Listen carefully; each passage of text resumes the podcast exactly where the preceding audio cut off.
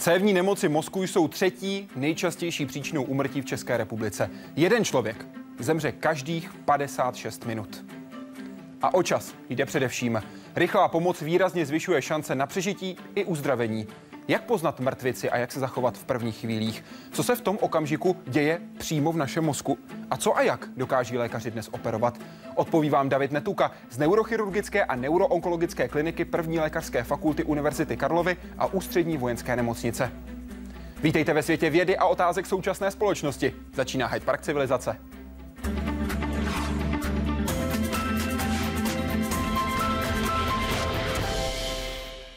Pane docente, vítejte, přeji hezký večer. Dobrý večer. Děkuji, že jste přijal pozvání do Hyde Parku Civilizace, že budete odpovídat divákům na jejich otázky, které poslali během týdne, anebo které pošlete během dnešního večera. Stačí, pokud dorazíte na web www.hydeparkcivilizace.cz.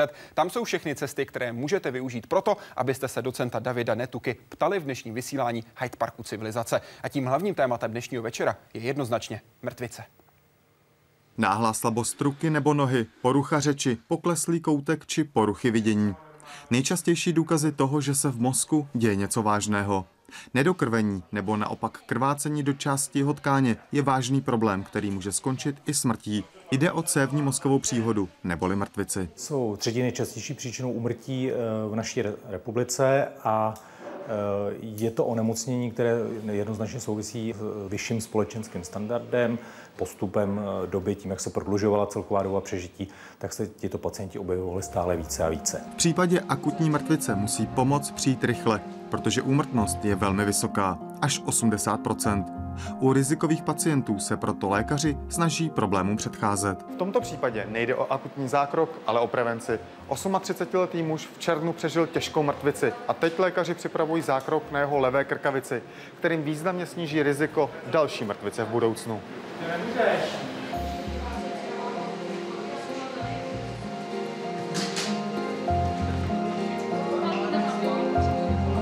Vypreparuje se ta tepna v tomto úseku a vyndá se ten veškerý aterosklerotický plát. V tomto případě zase lékaře čeká výduť na jedné stepen v mozku. Kdyby praskla, mohla by pacienta zabít. Princip léčby je takový, že pronikneme mikrokatetrem až do té výdutě, nebo až do toho zkratu a zalepíme to takovým speciálním neadhezivním lepidlem a kompletně vyřadíme celou tu malformaci z oběhu. Všechny podobné preventivní zásahy mají jediný cíl aby lidí s mozkem poškozeným mrtvicí bylo co nejméně. Takoví lidé totiž stojí v řadě ohledů opět na úplném začátku a musí se mnoho věcí učit znovu. Nejsou to postižením, řekněme, hybných funkcí, soběstačnosti, ale patří sem i poruchy, e, narušená komunikace, řekněme, další rozumové funkce, paměť, pozornost, orientace a podobně. Pomoc může podobný zákrok, kdy se za použití botulotoxinu a elektrod pod kůží měří a stimuluje aktivita svalů a nervů, které je řídí. Dobrý, dobrý. Zkuste takhle trošičku zatlačit proti mě. Mhm. No, do palce doťuká. Super. Palec jsme potřebovali trefit, jo? Teď to trošičku zabrní do ruky, jo? Tato takzvaná elektromyografie je spolu se speciálním rehabilitováním cestou, jak lidi po jakémkoliv poškození mozku, včetně mrtvice, přivést zpět k normálnímu životu. První otázka je z webu od Jany. Pane docente, jak poznám mrtvici, ptá se. V případě, že si nejsem jistá, je lepší zavolat hned záchranku. Eh, ty základní příznaky jsou v celku jednoduché. Pokleslý koutek, neobrantnost jedné končetiny, porucha řeči. A v každém případě je lepší zavolat záchranku, než čekat doma to není ono. Vždycky raději volat, Vždycky na nic volat. nečekat. Ano, přesně tak. Když tak... říkáte porucha řeči, je třeba nějaká testovací věta, kterou bychom měli použít? Uh, speciální testovací uh, věta není, ale samozřejmě člověk ví, jak se chce vyjádřit a najednou to nejde. Má záraz v řeči, to už je, uh, by mělo být nějakým příznakem pro okolí, měl by upozornit třeba i mimovolně rukou ukázat a samozřejmě to by mělo vést k tomu dalšímu vyšetřování. Případně může to být také znakem, respektive znakem mrtvice může být také nedostatečné vyslouvání hlásek? Určitě. Je to jeden z příznaků. Jak se zachovat v tom prvním okamžiku, pokud je daný člověk bezvědomý? Eh, tak ten člověk, který je v bezvědomí, tak ten sám si nezavolá tu záchrannou službu, ale doufejme, že je někdo v okolí a ten by měl okamžitě volat záchrannou službu. Pojďme se podívat podrobněji na ten postup, protože na ten základní postup první pomoci se ptá Luk. Nemohu tím postupem člověku ublížit, pokud bych správně nemoc nepoznal a ve skutečnosti o mrtvici vůbec nešlo. Určitě ne. Eh, je potřeba opravdu zavolat záchranku, která mimochodem u nás patří mezi jednu z nejlepších v rámci Evropy, to si musíme přiznat, a, a dovést pacienta rychle do nemocnice a tam vyšetřit. Tím se nemůže stát nic špatného. Co ještě všechno následně v tom prvním kroku vyšetřují lékaři? Udělají neurologické vyšetření, základní vyšetření krve, strážlivosti, hladinu cukru a pak podle těch nálezů se dělají další vyšetření, třeba CT mozku. Já jsem hned v tom samotném úvodu zmiňoval, že klíčový je čas. Dá se tady jednoznačně říct, jak se snižuje šance na uzdravení, na přežití, pokud voláme o hodinu, o hodinu a půl později? Uh, to souvisí s kampaní kolegů neurologů. Čas je mozek. A jde o to, čím dřív se ozve ten pacient, tak má větší šanci na úplné vyléčení. Eh, vlastně se dá říct, že každých 30 minut ta šance klesá přibližně o 10% Kampaň Čas je mozek, podrobnosti o ní najdete na webu mozkovápříhoda.cz, kde jsou popsané jednotlivé kroky, samozřejmě také otázky, které se týkají prevence a samozřejmě také otázky, které se týkají následného průběhu právě této nemoci. Z vaší zkušenosti, myslíte si, že Češi ví stále víc o mrtvici? Uh, ví stále víc, ale pořád málo. Co nejčastěji lidé neví o mrtvici? Eh, neví, že opravdu tím včasným zákrokem můžeme pomoct a tomu pacientovi zachránit život. Já můžu tady zmínit jednoho přeborníka, ten měl devětkrát varovný příznak, to, o čem jsme se bavili, než se teprve dostal do nemocnice. Naštěstí to u něj dopadlo relativně dobře, ale to už by se v dnešní době stávat nemělo. Jdeme na Facebook, kde se ptá Anna Svojtková. Pane docente, omlouvám se za laickou otázku. Jak vznikne mrtvice? Můžete prosím popsat krok po kroku, co se v těle děje? Eh, mrtvice bychom měli rozdělovat na nedostatečné okyslečení mozku, že se ucpe jednoduše řečeno céva, zásobující mozek, anebo dojde ke krvácení do mozku nebo do prostoru kolem mozku. A když dojde k tomu nedostatečnému okysličení, tak je potřeba tu cévu zprůchodnit. Zprůchodňujeme buď to podáním léku rozpouštějících tuto sraženinu přes žílu a nebo přes tepno a pak se dostaneme k dalším výkonům přes tepno. Pokud jde o tu první, kterou jste zmiňoval, tedy i s chemickou, tedy to, že je ucpaná céva, jaká je tam pravděpodobnost přežití v takovémto případě? Eh, to strašně závisí, jak velká ta céva je ucpaná. Může taky tam být jenom přechodná symptomatologie a rozpustí se ten trombus, ale když dojde k ucpání velké cévy, jedné z těch hlavních zásobujících mozek, eh, tak eh, velká část pacientů umírá. Je to nejčastější příčina mrtvice? Ano. Podle statistik jsem se dočetl, že to je zhruba 80 až 85% Druhá příčina, daleko méně častá, ale nebezpečnější. Jsou krvácevé příhody, kdy dojde krvácení do prostoru kolem mozku nebo případně do mozku a to ve většině případů je z výdutě na mozkové cévě. Začněme tedy prosím tou ischemickou mrtvicí, tedy tou v okamžiku, kdy dojde k ucpání dané cévy, nejčastěji krevní sraženinou. Co se v tu chvíli děje v těle a v těch návazných částech? Eh, vlastně začíná odumůr, odumírat ta mozková tkáň. Eh, přibližný odhad, že každou minutu odumře 1,9 milionů neuronů. Ty už nikdy Kolika celkově, abychom z těch mnoha 50 miliard. A k tomu se už nikdy nevrátíme. Takže proto jde o ten čas, co nejrychleji zabra, eh, dostatečně okysličit tu mozkovou tkáň a zachránit ty buňky v okolí. Jak se liší následně průběh nemoci, pokud je céva ucpaná trombem, to znamená krevní sraženinou, anebo nějakým, řekněme, eh, vmetkem, embolí odborně. Čím se liší? Eh, ta léčba se dramaticky neliší. Pokaždé se snažíme to rozpustit, a nebo, eh, jak bylo v reportáži, vlastně to vytáhnout přes to tříslo, dostat se přímo do té cévy, do mozku, do hlavy a vstáhnout tu stražinu zpátky a tím zprůchodnit tu cévu. Dá se jednoznačně říct, v jakých situacích, v jakých okamžicích vznikne právě, ať už půjde o trombotickou mrtvici, tedy to, že je ucpaná nějakou krevní sraženinou konkrétní céva, anebo že tam je nějaká embolie? To nepoznáme. Šlo mi spíš o to, jestli ve spánku se nejčastěji stane to, že dojde ke, k ucpání cévy krevní sraženinou, nebo spíš, jestli při nějakém rychlém pohybu a podobně. To se může opravdu střídat. Za jakých okolností nejčastěji dochází k mrtvici? Je to právě ve spánku nebo spíš při nějaké fyzické aktivitě? Samozřejmě děje se to velmi často během dne při fyzické aktivitě, ale ten problematičtí pacienti jsou ty, kteří se dostanou v noci. My nevíme ten začátek těch příznaků a pak je daleko složitější ta léčba. To znamená, že ani jako lékaři nevíte, jak dlouho už v podstatě ten problém trvá. My to nezjistíme o toho pacienta, protože ten spal, my nevíme, kdy se to stalo a my musíme pomocí CT vyšetření a dalších studií, eh, které vlastně nám určují prokrvení mozku, tak určovat, jestli ta mozková tkáň už odumřela, tam už nemáme moc jak pomoci, a nebo eh, jestli je vlastně v takovém hibernovaném stádiu, kde přívod krve může tu mozkovou tkáň zachránit. Případně také řešíte, jak vážná ta mrtvice je. Jestli je to jenom malá ataka, případně jestli je to nějaký větší problém. Přesně tak. Kdy, pro, pardon. A podle toho se vlastně eh, liší ta další strategie. Jestli uh, pacient dostane základní léky, anebo jestli se jede na ty rozpouštěcí techniky, případně odstraňovací. Pokud jde o ty techniky samotné, liší se to také podle toho, kolik uplynulo času od samotného prvotního problému? Eh, na tu techniku, na to rozpouštění, ta už tady mnoho let, eh, to je do 4,5 hodin od samotného vzniku příznaků. Eh, v letošním roce konečně vyšly studie, které jasně prokazují efekt toho stahování té sraženiny a to je v dnešní době do 6 hodin, v některých případech dokonce i déle. 8 i 12 hodin. Ale to, ta základní cifra je 6 hodin. To je takzvaná mechanická trombektomie. Přesně tak. Dá se říct, že je účinnější? Uh, je účinnější na uh, ucpání tzv. velkých C zásobujících mozek. Tam jednoznačně má větší účinnost. Ale neznamená to, že bychom měli přeskočit to rozpouštění přes žílu. Tím se začne, pokud pacient uh, se nezlepší, tak okamžitě se vlastně přestupuje na ten další výkon.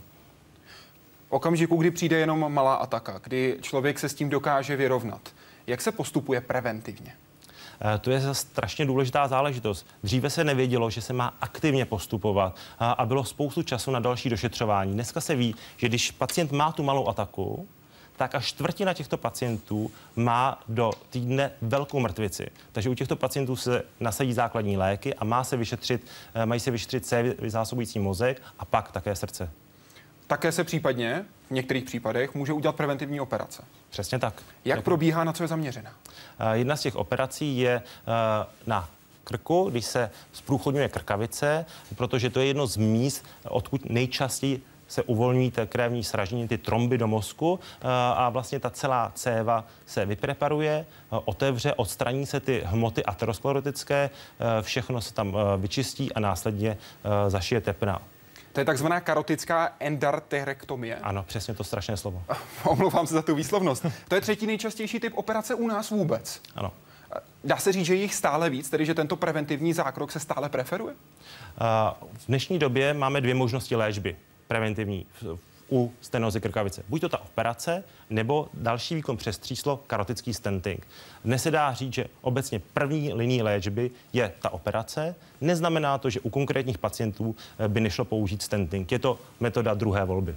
Karotický stenting jenom pro vysvětlení, zavede se do dané cévy, rozšíří se ta oblast, kde je krevní sraženina, případně ty uvolněné části se z těla vytáhnou zpět, tak aby nedělali problémy někde jinde v těle. Přesně tak, ale v této oblasti je ta operace na prvním místě. Pojďme se podívat na další otázku, která je z webu od Jany Králové. Kdy v úvozovkách umírá mozek? Co musí být splněno? Jaké jsou nejčastější příčiny? Ty příčiny jsme tady zmínili. Je to nějaký ten metek, ta krevní sraženina a jde o to, že ta oblast mozku nemá takzvané kolaterální zásobení. Nemá možnost získat tu krev z okolí a ta část mozku rychle odumírá. Nejčastější příčinou pokud bychom vzali v těchto uvozovkách použitý termín umrtí mozku, je ale poranění mozku. Přesně tak. Nehody, ať už automobilové, případně sportovní a podobně.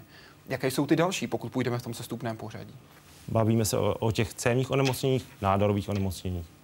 Případně další? Uh, máme samozřejmě další, ale to už není tak časté. To už jsou případně konsekvence nějakých jiných no. onemocnění, které jenom vedou ke smrti mozku. Přesně tak. Jak se určuje smrt mozku? V jakém okamžiku a kdy? Uh, to, je, to je záležitost primárně pro neurologii, eh, je tam neurologické vyšetření a pak se buď to dělá angiografie, kde se zjistí, že neprochází ta krev do mozku vůbec, anebo jsou dneska i další pomocné techniky. Eh, takže na to jsou přísně stanovená eh, pravidla a takto se stanoví smrt mozku. To teda není úplně primárním oblastí zájmu neurochirurgie. Rozhodně ano, to je také důležité kvůli transplantacím dalších orgánů. V okamžiku, kdy je prohlášen člověk za mrtvého smrtí mozku, mohou se transplantovat orgány. Myslíte si, a teď chápu, že to není váš primární obor, ale ze znalosti dané oblasti, že ten systém v České republice je v současnosti nastaven správně? Já si myslím, že ten eh, systém patří i v této oblasti mezi jeden z nejlepších, eh, i když eh, v některých nemocnicích stále jsou problémy s ochotou ty pacienty vyšetřovat a určovat tu smrt mozku, protože s tím souvisí spousta administrativní zátěže, ale obecně uh, náš transplantační program patří mezi jeden z nejlepších v Evropě, pokud já vím. Co to potom znamená v praxi, ta neochota? To znamená, že se zbytečně ztrácí potenciální dárce, který může zachránit toho dalšího pacienta, toho příjemce. Pojďme se podívat na web, kde píše Karla. Jak úplně konkrétně poznám, že, kdo, že někdo má mrtvici? Existuje seznam kroků, které mám zkontrolovat? Mluvili jste už o špatné řeči, co mám dál sledovat? Ty příznaky jsou jednoduché. Pokleslý koutek, neobratnost ruky, ta řeč, pak to může být dvojité vidění, uh, zhoršená citlivost jedné končetiny, náhle vzniklá krutá bolest hlavy a, a další příznaky. V tu chvíli strašně jednoduché záchranná služba. Případně, když se objeví i jenom některý z těch příznaků, na nic ne, nečekat. Ne, rozhodně nečekat na všechny. Dobrý den, pane docente. Jak dlouho může mrtvice trvat? Je možné, že s ní někdo žije dlouhodobě a on nebo okolí si toho nevšimne? Existuje případ náhodně zjištěné mrtvice? No, to doufám, to není otázka zaměřená do našeho politického života. Já to nepředpokládám, no, ano? Takže, Myslíte si, že takové případy byste viděl? Asi bychom nějaké našli, ale tam asi zabíhat nebudeme. Bereme to čistě medicínsky. Čistě medicínsky. Pacient může mít opakované ty příznaky, a nebo může mít takzvanou globální, globální nedokrvení mozku a to může být i dlouhodobá záležitost. Jak Takové dlouhodobá? případy bych našel. Co to znamená dlouhodobá v takovémto případě? Tam jde o to, že neznamená to, že ten mozek by nebyl zásoben vůbec krví, ale je na té spodní hranici a tam se určuje, ukazuje, že může mít i problémy s těma kognitivníma funkcemi, pamětí a vybavování věcí. Je v úvozovkách nějaký rekord? Jde mi o to, kolik mozek vydrží, jak dlouho to zvládne? Eh, to, to, se, to se nedá říct na nějakou uh, konkrétní minutu. Když nedojde k úplnému dokrvení, tak samozřejmě ty neurony začínají po pěti minutách umírat, uh, ale jde vždycky o to kolaterální cévní zásobení. Jsou nějaké priority? Co odumírá jako první v mozku? Odumírá jde od, o odumírání neuronů, těch samotných mozkových buněk. Bez ohledu na nějaké centrum? Eh, vždycky jde o to, která ta céva konkrétní, kam vede, do které oblasti. To znamená, že neurony z té oblasti, do které ano. vede céva, respektive ano. nevede tam tady dostatečný Tak v té krve, oblasti, v tom řečišti začínají odumírat. Může to být v horní části mozku nebo v takzvaném zadním povodí dá se říct, která je pro vás jako lékaře složitější pro další řešení té situace? E, ty, když se uzavře ta céva zadním povodí, tak to daleko víc ohrožuje toho pacienta na životě. Tam je častým příznakem hned bezvědomí. E, v tom horním povodí, řekněme, e, tam jsou ty fokální příznaky. Řeč, porucha hybnosti, povislý koutek. To znamená, že tam je to možná lépe identifikovatelné? Eh, spíš to lépe poznají ty pacienti a rychleji se dostanou do nemocnice. Dá se říct, že operace potom samotná je pro vás v jednom nebo druhém případě složitější? Uh, ty v tom zadním povodí uh, řečišti uh, se častěji provádí ty výkony přes to tříslo. Uh, v tom povodí uh, hrodním uh, jsou i možnosti jisté chirurgické. CML, předpokládám centrální mozek lidstva, platí, že nejlepší operace mozku je žádná operace, kdy není vyhnutí a operovat musíte. Existují i nějaké neinvazivní metody? No tak samozřejmě nejlepší uh, žádná operace, to je takový obecný uh, výrok. Uh, dneska kombinujeme ty chirurgické výkony, operace, výkony přes tříslo a daleko více než dříve ty farmakologické postupy, různé léky. Víme, co bude dál s pacientem. Takže to kombinace těchto třech postupů. Když se zaměříme už na operaci samotnou, v okamžiku, kdy farmaka nepomohla, kdy už nestačilo například naředit krev pro ten daný konkrétní problém, jaké jsou varianty v současném světě roku 2015? Uh, to se vracíme k té mechanické trombektomii. Uh, ta prožívá boom, protože byla prokázaná, že má jasný benefit a my musíme zorganizovat tu péči tak, aby co nejvíc pacientů se k této léčbě dostalo. A to, to znamená je, do těch 6 hodin, řekněme? Do těch 6 hodin, aby se provedl ten výkon. Eh, ta naše země je relativně malá a, a pokud eh, ještě zlepšíme fungování toho systému, tak se dá očekávat, že se zvýší počet pacientů, kteří budou podstupovat tento endovaskulární výkon. Proveďte nás tím výkonem, prosím, z pohledu operatéra. Eh, to dělají primárně v České republice intervenční radiologové nebo tzv. invazivní radiologové. Oni vlastně přes tříslo se dostanou až do cévy, která zásobuje mozek, dostane se k tomu místě, kde je ta sraženina, kde je ten blok a přes takovým sten stáhnou tu celou sraženinu a někdy se jim podaří opravdu stáhnout několika centimetrových metek a okamžitě pak zprůchodní tu cévu zásobující mozek. Jak přesná musí být ta operace? Je to samozřejmě na milimetr přesná, přes tříslo katetrem přímo až do hlavy. To znamená, že se můžeme pohybovat na nějakém třeba řekněme metru a půl který v úvozovkách projde tělem člověka tak, aby se lékaři dostali k tomu centru. Aby se přesně do té konkrétní tepny dostali. Jak potom ta technologie samotná toho odsání v úvozovkách krevní sraženiny funguje?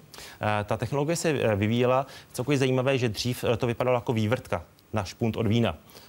To fungovalo, ale dneska se to používá trochu jiná technika, že vlastně tam projde takový stent a ten pak vlastně stáhne, obejme ten trombus, tu sraženinu a pak to kolegové stáhnou. To znamená, že ani nic v úvozovkách neodpadne, nezůstane, nepokračuje krevním řečištěm dál. Pokračuje jenom ta krev a snaha je, aby žádná část té sraženiny, té sraženiny se nedostala dál. To znamená, že když si to představíme, tak na jednom místě máme krevní sraženinu, která je v úvozovkách zabalená a těsně před ní je případně ještě záchranná síť, která chytá ty zbytky sraženiny, které se uvolní. Snahou je projít, eh, když tak s tou eh, sraženinou ano. a pak mít tu síťku za Tu síťku za ní, za ní, přesně tak. Třeba u té krkavice. Je v tuhle tu chvíli nějaký další krok, který vy jako lékař vidíte pro operace klíčový? Je nějaké v úvozovkách úzké hrdlo, které teď potřebujete rozšířit, abyste se posunuli ve výkonech dál? Eh, informovanost pacientů zlepšit a v některých nemocnicích zlepšit organizaci. Ta síť tady existuje a jde o to jenom to zefektivnit a netříštit tu péči. Pokud se dostaneme do situace, že se to bude dělat v každé nemocnici, tak to nebude ku prospěchu pacientů. Jde o centralizaci. Zlepšit také technologické vybavení nebo ne? To se vyvíjí postupně, je pořád no, jsou nové generace těchto takzvaných stent retrieverů a to se bude vyvíjet dál, technologie bude dál. Jde mi o to, jestli robotika jako taková je v těch nemocnicích dostatečně zastoupena na provedení takto delikátních operací. Robotiku tady příliš neočekávám. Jde o zkušenost a vlastně počty těch výkonů, těch kolegů, kteří provádějí uh, ty trombektomie. Jde o to, aby oni dělali pravidelně ty výkony. Těch výkonů v České republice není tolik. 500 řádově. Dá se očekávat, že pokud se zlepší ta péče, bude jich tisíc, možná 1500, to nevíme. Ale jde o to, že musíme koncentrovat ty výkony na ty osoby, které to umí. Tak, aby měli praxi. Nakolik je geneticky podmíněné, kdo bude mít mrtvici? Do jaké míry se dá genetická predispozice zlomit správným životním stylem? Tak to je spíš pro kolegy z preventivní medicíny. Eh, samozřejmě pacienti, kteří mají uh, už predispozici pro vysokou hladinu cholesterolu, tak mají větší riziko uh, mrtvic. Jde o to, aby byli ty pacienti včas diagnostikováni, léčeni už preventivně třeba léky proti strážní krve. Tím se dá snížit riziko další mrtvice. Dá se říct, že vlastním přičiněním, tedy třeba zdravým životním stylem, může člověk snížit pravděpodobnost té nemoci o XY procent? Eh, je jasné, že taková banální věc jako kouření jednoznačně zvyšuje riziko mrtvice, eh, takže tam mnoho českých občanů může začít pracovat aspoň na té mrtvici, na korekci tlaku, cholesterolu a dalších těchto rizikových faktorů. Případně předpokládám alkohol, alkohol to je složitější otázka. Uh, určitě uh, dvě deci dobrého červeného vína nemůžou zaškodit. Naopak pomáhají? Já jsem přesvědčen, že ano a taky se tím řídím. To znamená, že dnes večer, až přijdete domů, tak budete končit den dvěmi deci dobrého červeného vína? Standardně bych tak končil. Pokud jde o ta genetická, ty genetické predispozice, jak může být propojený problém v mozku, pokud se bavíme o mrtvici, například s embolizací ze srdce? Tam eh, jde o to, že ty pacienti nemají onemocnění třeba tady této, tohoto úseku cévy. To je uh, onemocnění celého cévního řečiště. Takže tito pacienti mají daleko větší riziko uh, komplikací kardiologických, časných infarktů a, a taky mají větší šanci na časnou kardiochirurgickou operaci. To znamená, že i v důsledku se můžeme bavit například o onemocnění velkých tepen a podobně, kdy to má důsledek právě pro mrtvici, právě pro cévy v mozku. Přesně tak, jde to ruku v ruce. Dá se v tuhle tu chvíli říct jednoznačně, pokud se bavíme o datech na úrovni České republiky, že ta pravděpodobnost v okamžiku, kdy má člověk eh, krevní sraženinu, řekněme u srdce, bude v budoucnu s větší pravděpodobností také v mozku? Ano. Dá se odhadnout, jak velká ta pravděpodobnost je, ten nárůst? Uh, ten nárůst, uh, nevím přesně to číslo, je to kolem 50-60%. Předpokládám, že pacienti jsou také podrobněji sledováni v takovém. Uh, měli by být sledováni vlastně v angiologických ambulancích a kardiologických ambulancích. Těch je u nás přes 30 v České republice. Uh, to asi myslíte ty iktová... Nemocnice, přes ty, ty už specializovaná centra. Ano, to myslí. jsou ty iktová centra, to je v rámci neurologii. No. To se bavím o komplexních cerebrovaskulárních centrech. Ne, těch je, eh, těch je v současné době 13 a to mm-hmm. jsou mhm. ta centra, eh, která disponují neurologií, neurochirurgií a tou intervenční radiologií. To znamená celý proces od začátku Přesně do tak. konce. Tam jde o to, že to v žádném případě není uh, boj pro jednu osobu. Je to mnoho lidí z toho týmu a to jsem ještě jich strašně moc vynechal. Celou tu rehabilitaci a veškerou další uh, péči, intenzivní péči. Ale to jsou ta centra, která disponují vším, co je potřeba pro tyto pacienty. O ní ještě budeme rozhodně mluvit, protože ta následná péče je hodně důležitá. Editu by zajímalo, kolik operací vy sám uděláte třeba za týden, kolik nejvýkonnější kolegové. To strašně eh, závisí, jaká je ta operace. U nás může být operace půlhodinová, stejně tak šestihodinová, takže ten odhad je kolem 4-6, ale to nejde o přeboje počtu, jde o kvalitu. Zaměřme se prosím ještě na druhý typ mrtvice, o kterém jsme mluvili, tedy to, že nejdojde k ucpání té cévy, promiňte, ale že dojde k výronu z té cévy, tedy že krev se dostává do mozku. Je tam daleko menší pravděpodobnost přežití. Ano, tam je až 50% umrtnost a zase je potřeba tyto pacienty správně zdiagnostikovat, zjistit, co je zdrojem toho krvácení, tím nejčastějším zdrojem je výduť na mozkové cévě a tu výduť co nejrychleji ošetřit, ne kvůli tomu samotnému krvácení, to nezmění, ale aby nedošlo k novému krvácení. A tam máme základní dvě techniky, zase otevřená operace, anebo ten výkon přes tříslo, ta endovaskulární technika. Co všechno se potom v mozku děje v okamžiku, kdy se krev dostane z cévy? E, tam jednak jednorázově stoupne tlak v hlavě a tím se zhorší globálně okysličení mozku přes ty cévy, pak dochází k zúženinám eh, na těch cévách a to zase vede k poškození eh, toho mozku. Může docházet k eh, vzniku epileptických záchvatů a mnoho dalších komplikujících jevů. Jakou roli tam hrají proteiny v takovém okamžiku? Proteiny preventivně? V tom okamžiku, kdy se dostávají do toho systému z cévy ven. Uh, tam to, když z cévy ven se dostává ta krev tady hlavně, ano. v tom, že ten hemoglobín, to ne tolik proteiny, dráží ty okolní cévy a způsobuje to ty zúženiny na cévách a následně nedostatečné okrvení, eh, okysličení mozku. Vy jste zmiňoval eh, otok, tedy edem. Hmm. Tam je klíčové, v, jakém, v jaké části mozku se v tu chvíli nachází. No. Na co tlačí a tedy co přestává fungovat. Přesně tak, které centrum konkrétně. Samotný zákrok jako takový musí být rychlejší? Uh, u těch výdutí. Eh, ten zákrok není tak definován, že by měl být do 6 hodin, jako u té eh, mrtvice ischemické, ale měl by být co nejrychleji, z pravidla do 24 hodin, v tom centru, které disponuje oběma technikami. Platí tady jiná pravidla pro rozpoznání tohoto problému, než platila u krevní sraženiny, která Tam ta klinika je trošičku jinačí. Eh, typickým příznakem je krutá nepoznaná bolest hlavy, nevolnost, zvracení. To je ten nejtypičtější příznak, co nám pacienti popisují. Je to na jedné straně hlavy, nebo celá eh, hlava bolí jako Vel, Velmi často pacienti popíšou, že vlastně mají pocit, že se jim rozpadne hlava, pukne jim hlava, že to je taková bolest, kterou nikdy neznali. První pomoc v takovémto případě je stejná? co nejrychleji samozřejmě do nemocnice, diagnostika, tady to je v tomto případě CT, a pak další léčba. Jak často se stane v okamžiku, kdy začne u pacienta krvácet céva z jednoho místa, že začne i na dalším místě? To není úplně typické, že by pacient může mít více výdutí, ano. ale obvykle krvácí ta jedna a my řešíme riziko krvácení z té jedné konkrétní, eh, zdali nedojde k tomu druhý den, třetí den. To je ten nejčastější příznak. Samozřejmě, když se operuje a v blízkosti je další výduť, tak se ošetří také. Můžeme říct, že krvácení z aneurizmatu je takové typické? Dá se to takhle zjednodušeně říct? Ano, to je ten nejčastější, eh, vlastně nejčastější příčina toho krvácení do prostoru kolem mozku. To je v podstatě takový váček? Váček je takové slepé rameno na cévě ano. Eh, a to eh, nevadí ve většině případů, když to zatéká do toho slepého ramena. Problém je, když ta přehrada za tím slepým ramenem praskne a ta krev se rozděje. To znamená, kdybychom to vzali trochu názorněji, tak aby si to mohli diváci lépe představit, pokud bych vzal, že tohle je céva v mozku, ano. tohle je aneurizma, ano. do kterého přitéká krev, které ale může prasknout a v tu chvíli se vylévá krev do prostoru mozku a může vzniknout otok, porušení nějakých center a podobně. Ano. Přesně. Jakou roli tady hraje genetika? Pokud jde o pevnost těch cév, jsou určité genetické onemocnění, které zvyšují rizika toho prasknutí těch cév, ale u většiny pacientů se k tomu nedostaneme, nezjistíme to. Ale jsou taková specifická onemocnění. A co naše chování? Teď narážím především konkrétně na aterosklerózu, tedy ukládání tukových buněk do stěn cév. Eh, samozřejmě tím si zvyšujeme eh, ta rizika. Konec konců i zde platí, že kouření zvyšuje riziko, že ta, uh, vznikne výduť a krvácení z té výdutě. Takže ono to jde vlastně v tom celém cévním řečišti ruku v ruce. Céva potom není tak pružná, tak aby udržela ten tlak, aby ustála vedlejší takovou malou výhodou, že když už kuřákovi praskne eh, ta výduť, tak má menší riziko, že ta céva se stáhne, že tam dojde ke spazmu, že ta céva už to nedokáže. Už je tak tvrdá, že nemůže ani na jednu stranu. Je nižší riziko, samozřejmě že by to nebylo tak někdy. se díváte na skladnici a vidíte ji na půl plnou, že? Hanka se ptá na Facebooku.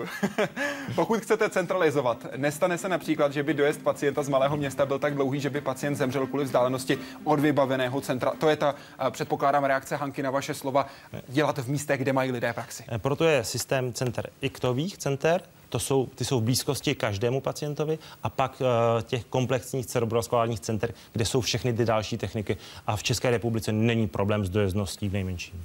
Takže tam se nemusíme obávat, ne, můžeme mít to úplně, se úplně Je určitě lepší eh, se dostat do centra, kde jsou vyškolení lékaři, než být eh, v nejbližší nemocnici 3 km daleko, kde nebudou mít tu zkušenost.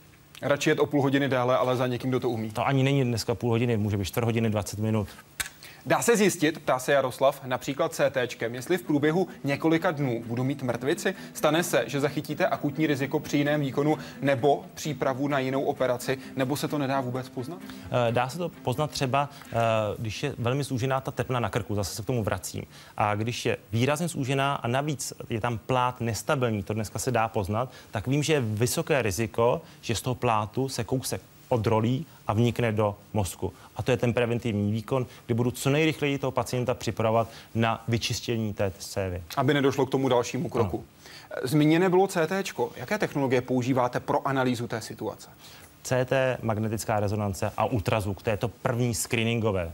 Případně pokud sledujete někoho dlouhodobě, přidává se ještě něco dalšího? Uh, ultrazvuk zase v rukách školeného neurologa, internisty, angiologa, radiologa je velmi dobrou metodikou pokud se bavíme tady o tom kousku na krku. Ano. Když to teď rozšířím na celý ten komplexní problém, má smysl třeba sledovat hormonální rovnováhu v takovýchto situacích, teď z dlouhodobého hlediska? Uh, to se nesleduje, to nemá příliš velký význam. Jdeme na web, kde se ptá Michal Kreidl. Máte zmapované, v které části světa lidé trpí mozkovou mrtvicí nejvíce a kde naopak je její nejmenší výskyt? Je to problém hlavně vyspělého západního světa? Jaké je riziko mozkové mrtvice při sportovní zátěži, jako je například vytrvalostní běh? Tak to je několik otázek. Eh, k těm krvácivým mrtvicím, eh, k tomu krvácení do prostoru kolem mozku je jasně se ví, že největší riziko krvácení z té výduti je ve Finsku a v Japonsku. Proč? Eh, pořád se spekuluje o různých právě genetických faktorech, ale prostě Finové, uh, komunita, která se nikam moc nestěhuje, všichni tam spolu žijí, jsou krásně vyšetření, tam je největší riziko. Takže když někdo chce ošetřovat pacienty s výdutěmi na mozkových cévách, tak je nejlepší jet do Finska. Uh, Zase kvůli té praxi. Kvůli té praxi. Ne úplně do Japonska, tam je naprostý nadbytek neurochirurgů, tak tam to bych nedoporučoval, ale Finsko je ta správná krajina. Ten... Pokud se bavíme o druhé straně, kde je naopak ten výskyt nejmenší, to jsou spíš uh, ta nezmapovaná místa na světě, kde nemáme dobrá data. Takže není, nedá se říct, že jedna země v tom civilizovaném světě by měla nějak dramaticky nižší. To dá se říct, nahoru. Pardon, dá se říct, že to je problém vyspělého světa, té západní euro, euroatlantické civilizace, pokud bych Ateroskleróza, ano. Čím je to dáno? Životním stylem nebo dobou dožití? Uh, z větší části tím naším zdravotním, uh, zdravým životním stylem. V uvozovkách zdravím? Přesně tak. Poslední část otázky, jaké je riziko mozkové mrtvice při sportovní zátěži, jako je třeba vytrvalostní běh? tak tam jde o to asi, jak je vytrvalostní. Sám nejsem proti běhání, takže e, věřím a tak analyzuju ty data, že to riziko větší není. To znamená, že pokud člověk běží maraton, ono obecně běhat maraton není příliš zdravá záležitost a těch lidí, kteří jsou trénovaní na maraton, je strašně málo, takže to obecně moc nedoporučuji, uh, ale ty kratší běhy, uh, to riziko není větší. Vy jste na jaké vzdálenosti tedy, pokud jde o běh? Já nejvíc 32, takže málo. 32 kilometrů? Ano. No tak to už jste krok od maratonu, dalo by se říct. Ano, příští rok se to podaří. Běžíte pražský maraton? Určitě. Na kolik poběžíte? Na pomalý čas, na 4 hodiny. No to není až tak pomalý čas. Zvlášť vy jste běžel letos, pardon, loni jste běžel pražský půlmaraton za hodinu 43. No. Což je hodně rychlý čas. Jak to víte? Samozřejmě jsem se podíval. letos jste běžel o něco pomalej, ale i tak jste běžel velmi rychle. Kolik máte naběháno? Uh, dvakrát až třikrát týdně víc nedokážu. Pět kilometrů, deset maximálně. Pro udržení formy? Ano pro udržení formy a duše. Čistí vám to hlavu? Určitě. Čištění hlavy, to je ten eh, hlavní důvod. Na čím Není, přemýšlí? já, já neběhám kvůli eh, tolik zdravo, zdravému životnímu stylu, ale kvůli čištění hlavy. Na čím přemýšlíte, když běžíte nějaký vytrvalostní běh? Eh, Z začátku některé věci z práce a pak člověk krásně vypne. Na Facebooku se ptá Libuše Miturová, může dostat mrtvici úplně, úplně zdravý člověk? Úplně Existuje zdravý úplně člověk, zdravý člověk? Úplně zdravý člověk neexistuje, jenom nedostatečně vyšetřený, takže může. To znamená, jenom něco nevíme, ale něco tam je. Přesně tak. Může to být třeba v srdci, protože část těch mrtvic pochází ze srdce. Nepravidelnost srdečního rytmu může způsobit sraženinu v, krv, eh, v srdci a ta se uvolní do mozku. Jdeme na Facebook, kde se ptá Petr. Předpokládá se v nějaké dohledné době při čištění krevního řečiště, řečiště také využití nanorobotů? Eh, Určitě v rámci science fiction, eh, ale neočekávám to v dohledné době třeba v pěti letech. Využití nanorobotů jako takových, například jako v uvozovkách mediátorů přenosu nějakých, nějakých medicamentů a podobně, to už byste si představil uměl? Eh, V léčbě třeba některých typů rakoviny ano, ale že by to bylo v dnešní lékařské praxi, ještě ne. Je tohle směr budoucnosti nebo spíše ulička pro science fiction? To těžko se dá odhadnout. U některých typů nádorových onemocnění si myslím, že to je ta správná cesta. Hovoříme o mrtvici. Teď se zaměříme na další věc, kterou je třeba řešit. Věc, která je pro řadu z nás jenom těžko představitelná a věříme, že pro drtivou většinu z nás zůstane případně jenom u představ. Spolu s Jaroslavem Zoulou vás totiž vezmeme na operační sál, konkrétně na operaci nádoru na mozku. Jeden se totiž, jeden takovýto zákrok se konal včera. Diagnóza, která každého děsí, nádor na mozku. V případě této 70-leté ženy o to horší, že je u podvězku mozkového a tlačí na zrakové nervy. Hrozí že během měsíců zcela přijde o zrak. Tadyhle to je nádor. A tadyhle je křížení zrakových nervů. Takže jedinou možností, jaký můžeme v daném situaci pomoci, je ten nádor odstranit a snížit tlak na zrakové křížení. K problémovému místu v ženině mozku se lékaři dostanou přes nosní dírky. Vše je milimetrová práce, právě kvůli blízkosti zrakových nervů. Ve chvíli, kdy lékaři mají pocit, že se jim povedlo nádor odstranit, můžou si to rychle zkontrolovat na magnetické rezonanci.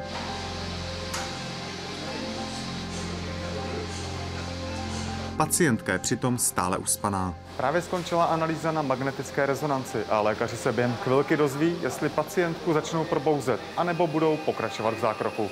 80 až 90 nádoru je pryč, ale vidíš tady ten čepeček malý, to ještě musíme eh, odstranit, takže budeme pokračovat hned teďka po té rezonanci. Po druhém zákroku už byl podle všeho nádor zcela pryč a pacientka mohla začít rekonvalescenci na jednotce intenzivní péče. Jaroslav Zoula, Česká televize. Jaroslav Zoula nás tedy vzal na operační sál. Jak se teď vede pacientce? Eh, Pacientka se má dobře, normálně vidí, má jenom mírné bolesti hlavy, dneska chodila po oddělení a takže je spokojená. Takže možná nás teď sleduje? Eh, No, já jsem jí říkal, že budu nepřímo o ní hovořit a ona říkala, že je moc ráda a eh, nejradši by byla, abych řekl její jméno, ale to neudělám. Já na dálku za celý tým nejenom Hyde Parku Civilizace samozřejmě přeji, aby se vám dobře vedlo, aby následná rekonvalescence proběhla úplně v pořádku. A teď se tady i s vaším dovolením podíváme k vám do hlavy, protože my tady máme záběry, které ukazují to, jak se vám dařilo zbavovat daného nádoru. Podíváme se na to, jak se na třech snímcích nádor mění. Tohle je pohled z 2. září roku 2015. Jak byl ten nádor velký, pane docente? Eh, Ten nádor nebyl tak velký, přibližně 23 mm. Ten problém byl v něčem jiném. Pacientka už byla dvakrát operovaná, bohužel nedostatečně na jiném pracovišti a ten nádor pořád dorůstal. A pak tam je spousta už jízev na té tkáni a pak je riziko, že vlastně už obklopuje těsně tu zrakovou, zrakový nerv a to samotné odstranění je složitější. Takže to byl ten problém. První fáze operace To je první fáze, eh, kde v tom jízdnatém terénu, i když dneska tu techniku máme velmi vyspělou, tak se nedokážeme vždycky dobře zorientovat a nechceme poškodit ten zrakový nerv. Proto s pacientkou zajedeme do té magnetické rezonance a tady se ukazuje ten malý zbyteček, přibližně 20% toho původního nádoru. Šlo by tento zbytek ponechat, ale zase by dorůstal, protože jsme se zobrazili a víme přesně, kde je v kterém milimetru, tak víme, kde pokračovat v té resekci. Já teď záměrně nechávám šipku myši tam, kde byl nádor, před druhým. A To je dneska, pokud se nepletu, kolem 11. hodiny. 11.38, 17. Kde už mám důkaz, máme důkaz, že žádný nádor tam není a to vpravo je zachovaná hypofýza, ta továrna na hormony, ale ten nádor je pryč. Pro vaši představu, tohle je 2.9.2015, 23.10.2015 a 24.10.2015. Takhle vypadá zákrok v praxi. Z vašeho pohledu byla to standardní operace? Uh, jenom byla maličko, pro nás je standardní operace, určitě. Byla trochu více riskantní těmi předchozími operacemi. Jinak to byl standardní výkon, který děláme přibližně 130 ročně. O jaký nádor přesně šlo? Protože máme celou řadu různých typů nádorů. Tohle konkrétně se jedná o nezhoubný nádor z podvězku mozkového, který pomalu roste. Eh, v tomto případě utlačoval zrakové nervy a pacientka už sama začala pocitovat zhoršený zrak. To je takzvaný adenom? Adenom, přesně. Který tak. ale může také vypadat různě. Může vypadat různě, může produkovat v některém případě hormony, to je něco jiného, a může vlastně rozbortit celý metabolismus v těle a, a může to tělo třeba ničit poškozením srdce a dalších orgánů. To jsou hormony produkující eh, adenomy a ty ostatní, které neprodukují konkrétní hormony, tak se nejčastěji projeví tím, že tlačí na okolní struktury. Ta nejbližší vulnerabilní struktura je křížení zrakových nervů. Nejčastějším nádorem až v polovině případů jsou takzvané gliomy. Čím se liší? Eh, gliomy eh, vychází z podpůrných buněk v mozku eh, a ty se liší tím, že bohužel velká část těchto nádorů je zhoubných, menší část je nezhoubných, pomalu rostoucích. Tam se případně také používá chemoterapie a radioterapie. Jenom u těch zhoubných variant, ano, ano tam se používá, kombinuje operace, radio, radioterapie a chemoterapie. U těch méně zhoubných, nezhoubných dominuje operace. Je třeba také zdůraznit, co to má za konsekvence, tedy zvýšení tlaku, vnitrolebečního tlaku, tedy bolesti hlavy a další komplikace, které na to navazují. Nebo takzvaný fokální neurologický deficit, to je některá z těch funkcí, o kterých jsme se bavili předtím, vlastně pacientovi vypadává, a nebo epileptický záchvat. U těch nezhoubných gliomů nejčastějším příznakem je epileptický záchvat. Jak rozpoznat nádor na mozku? Když pacient, typický pacient s nízkostupným gliomem je 40 jeden záchvat, jinak naprosto v pořádku. V tu chvíli se udělá CT, magnetická rezonance a rozbíhá se rozvaha, jestli ten nález sledovat a nebo operovat. Vždycky závisí na konkrétním uložení toho nádoru, stavu pacienta a prognóze jak se ta prognóza dá definovat přesně? Jde mi o to, jestli se dá přesně říct, jak se bude ten daný nádor dál rozvíjet. Eh, třeba u těch konkrétních nízkostupňových eh, ta přesnost té magnetické rezonance a tím určení další prognózy pacienta je v horizontu 80 až 90 takže pořád nejsme na 100%. I to je dalším důvodem, proč přistupovat k těmto nádorům aktivně a když je to možné, tak je odstranit, aby byla dokonalá histologie, včetně genetiky. Jdeme na web, kde se ptá GBC.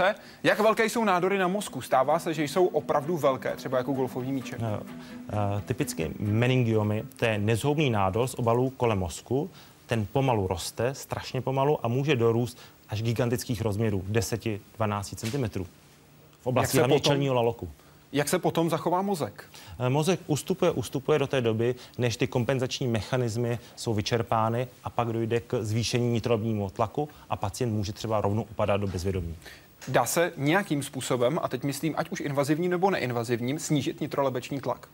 Eh, dá se jednak léky proti otoku, anebo eh, odvodem mozkomíšního moku. A samozřejmě dalšími neurochirurgickými operacemi. Jak často se k tomu přistupuje? Je to dočasné řešení?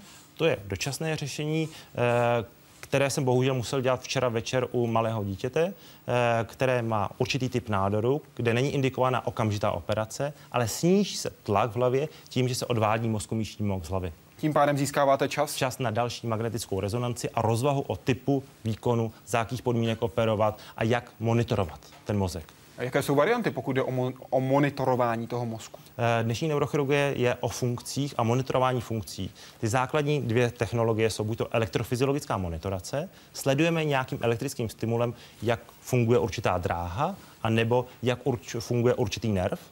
To je jeden způsob. To znamená, pardon, že tedy přestává například převádět vzruchy tak, jak by měl, tím ano. pádem vy tam cítíte nějaký problém. My víme, že se třeba blížíme k tomu centru pro hybnost a, a v tu chvíli uh, se musíme rozhodnout, jestli cena a riziko poškození třeba hybnosti uh, se je vhodná u toho daného nádoru, a což ve většině případů tak není, je lepší samozřejmě nepoškodit tu funkci. Takže my to víme během té operace. Uh-huh. A další možnost je uh, operování při dělém stavu, když se s pacientem během operace bavíme. To je také někdy vůbec potřeba? Je to potřeba. Zejména u řečových funkcí uh, je to nejlepší způsob, jak monitorovat. Jak taková operace probíhá, se můžete podívat v Hyde Parku Civilizace. Podrobně jsme takovouto operaci probrali s profesorem Benešem, když byl hostem Hyde Parku Civilizace na webu hydeparkcivilizace.cz. Najdete v archivu i rozhovor právě s ním. Grétu by zajímalo, liší se, jestli je nádor zhoubný nebo nezhoubný. Mám na mysli z hlediska operace. My jsme zmiňovali tady jít do ní, nejít do ní a samotný průběh ne, operace. Určitě. Eh, ten nezhoubný nádor velmi často, když vychází přímo z mozku, je špatně rozlišitelný od okolní tkání. Takže my používáme další zobrazovací metodiky, jak určit rozsah té resekce. Ten zhoubný nádor, eh, ten to centrum toho nádoru se liší úplně od, od mozku a taky se trošku liší ta strategie toho operování. Jak je, a teď dávám to do velkých úvozovek, na první pohled rozpoznatelný zhoubný a nezhoubný nádor? Eh, ten zhoubný nádor je na první pohled šeredný. Je úplně jinačí než ten okolní mozek. Eh, často bývá tmavší, jsou tam cystické složky a vůbec to nesouvisí a nevypadá jako mozek. Zatímco nezhoubný? Velmi často vypadá jako je jenom trošičku šedavější, ale ten rozdíl je malý. I ta struktura může být velmi podobná a, a to rozlišení je daleko obtížnější. Míříme na web, kde se ptá Jin, Došetl jsem se, že jste operovali lyžařku Šárku Záhrobskou. Byla to pro vás a vaše kolegy rutinní operace? Pro nás to rutinní operace určitě byla a taky jsme rádi, eh, že dál funguje a věříme, že tuto sezónu zdravím Šárku, eh, nějaká ta medaile bude. Jste stále v kontaktu? Jsme v kontaktu, jak eh, odborném, tak lidském. To byl problém z července roku 2012, kde jí byly uh, diagnostikovány akutní problémy. Pak jste operoval s kolegou Václavem Masopustem. Co přesně tam bylo za problém? Eh, tam byl určitý jiný typ nezhoubného procesu, který vedl k minerálovému rozvratu a, a on to bylo v novinách dostatečně popsané, tak si myslím, že to není lé, lékařské tajemství. Vlastně to vedlo k poruše vědomí tam došlo k tomu, eh, že až nastávaly epileptické záchvaty, ano. došlo tam tedy k selhání žlázy, která řídí ostatní žlázy z vnitřní sekrecí, to je, to je tedy podvěšek mozkový, ano. abychom byli úplně konkrétní. K tomu, co tedy následně docházelo, byly ty projevy to znamená, že způsoboval ten daný nádor, způsoboval ty problémy, nikoli obráceně. Přesně tak. Eh, jak se ta operace z vašeho pohledu povedla po té mediální stránce? Pro vás to bylo přece jenom taky něco nového.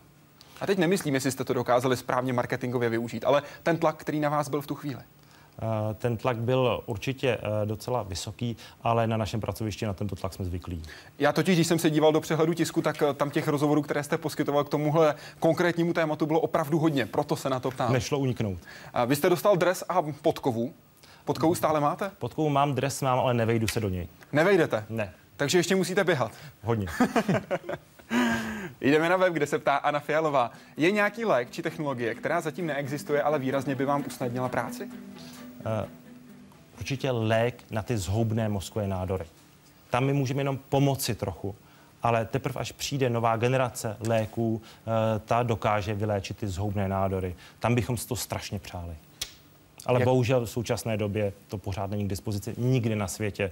Je spousta mediálních bublin, na internetu se dá najít lecos, zázračné léky, eh, různé utajování díky CIA a podobně. To jsou všechno hlouposti. Bohužel nikde na to ten zázračný lék neexistuje. Nějaký výzkum, který by se alespoň částečně nadějně blížil, je? je mnoho takzvaných randomizovaných studií, které probíhají, které jsou nadějné vždycky v tom prvním a druhém stupni. Bohužel u těch nejzhoubnějších, to je jenom malé procento těch nádorů, tam pořád se lhávají v těch třetích fázích, kde to už má být prokázán ten jasný efekt. Ano, prokáže se prodloužení života o několik měsíců, ale ten zlom na ten pořád čekáme. Facebook a Erodan. Jste zkušený lékař, který pomáhá pacientům. Děkuji za to a smekám. Kdybyste byl ministr zdravotnictví s volným polem působnosti, jak byste pomohl českému zdravotnictví? Já myslím, že nejsem úplně kompetentní odpovídat na tuhle otázku. Já můžu říct klidně svědomím, že bych nechtěl být ministrem zdravotnictví, protože eh, chci dělat to, co věřím, že už umím a dále se budeme zlepšovat a to je neurochirurgie, takže do tohoto pole bych nechtěl zabřednout. Já si půjčím slova Žaka Palmera, amerického neurochirurga, který řekl, cituji, pacienti od vás dnes vyžadují mnohem více, než jsou vaše technické dovednosti. Často jsem žertoval, že tři nejdůležitější předměty, které jsem studoval a které nadále dnes používám jako neurochirurg, byly psychologie, psaní a práce s dřevem. Také to pocitujete? Uh, práce s dřevem nevím, ale ta psychologie určitě. Eh, pacientům a těm rodinným příslušníkům je potřeba vysvětlit tu danou situaci, jaké jsou možnosti, jak postupovat a jaká rizika mají podstupovat. Takže ta psychologie určitě ano. To je, bych řekl, z těch tří nejdůležitější. A stará se, teď myslím zdravotnický systém v České republice, i o tu výuku psychologie českých lékařů, kteří už jsou v praxi? Jsou kurzy pro lékaře, zejména pro ty nastupující eh, po škole, eh, mají tuto možnost, ale popravdě řečeno, spousta to ukáže ta praxe. A další věc je, kdo to v sobě nemá, tak to nikdy nezíská, podle mě. Jak z vašeho pohledu funguje české zdravotnictví? Karel, který jde rovnou k dané otázce. Máte problémy s například zdravotními pojišťovnami a proplácením výkonů nebo čekacími dobami na CT a další vyšetřovací metody? Tedy ne minister zdravotnictví, ale lékař s konkrétními případnými problémy v praxi. Čekací doby na CT ani na magnetickou rezonanci to problém není. To je dostupné, to je v pořádku. E, jsou určité specializované výkony, kde je to boj získat to, tu úhradu té péče. E, zase my musíme říct třeba s tou intraoperační magnetickou rezonancí.